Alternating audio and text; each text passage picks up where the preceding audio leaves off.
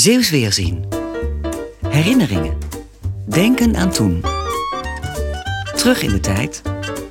Met Zeeuws Weerzien. Als iets niet mag, dan is het het leukst om dat toch te doen. Verboden vruchten. Hallo, ik ben Remco van Schellen van Omroep Zeeland. Leuk dat Zeeuws Weerzien weer in jouw oor zit. Deze zomer over typische zomerevenementen, maar dan met herinneringen van jaren geleden. Leni Bogaert uit Oost-Soeburg woonde eind jaren 50, begin jaren 60 in Westkapelle, waar één jaarlijks hoogtepunt was. Verboden, dat dan wel weer.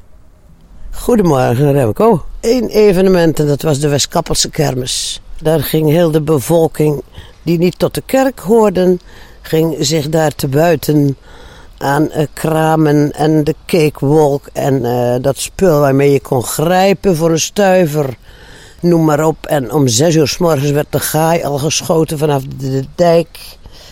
En daarna werd er flink ingenomen. Dat betekent dat je dronken mensen zag? Uh, ja, die zagen we daar regelmatig. Ja, ja, ja dat klopt. Jij mocht helemaal niet naar de kermis. Ik mocht er niet naartoe van mijn vader en moeder. Nee, dat gaf geen pas, zei mijn vader altijd. Wij waren natuurlijk, uh, ik wil niet zeggen streng, maar wij gingen zondags naar de kerk. Mijn vader was ouderling. En mijn moeder zat daar ook altijd netjes in de bank en ik naast haar en mijn broers en mijn zus. En dan ga je daar niet naartoe, want daar, uh, dat is goddeloos, dat is duivels. De duivel is daar. Maar je werd toch wel nieuwsgierig, want ik had er diverse nichtjes wonen op de markt. En die zei, oh, wat er nou toch gebeurt. Die en die, die ligt dan helemaal lam.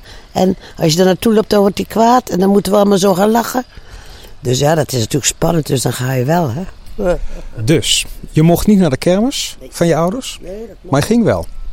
Uiteindelijk wel, ja. Enigszins met schroom ging je daar wel naartoe, dat is waar.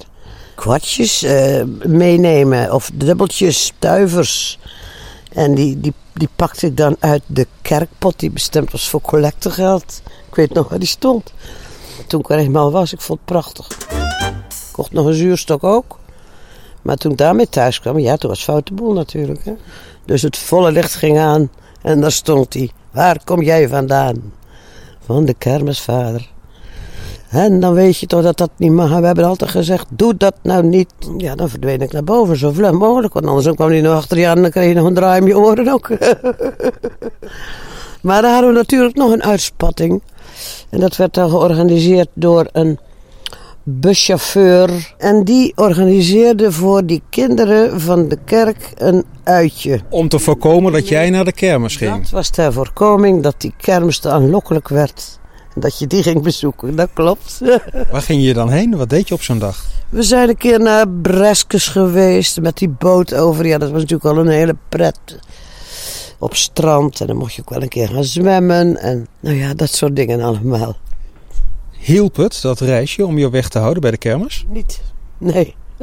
Nee, nee, nee, nee. Nee, dat bleef trekken natuurlijk. Dat was verboden terrein, maar je ging toch. Wat was het leukste op de kermis? Die draaimolen. En die cakewalk, dat er zo'n cape over je heen kwam. En oh jeetje, dat was prachtig. En dan was er ook nog een moment dat je een kwast kon pakken. En dan mocht je nog een rondje extra.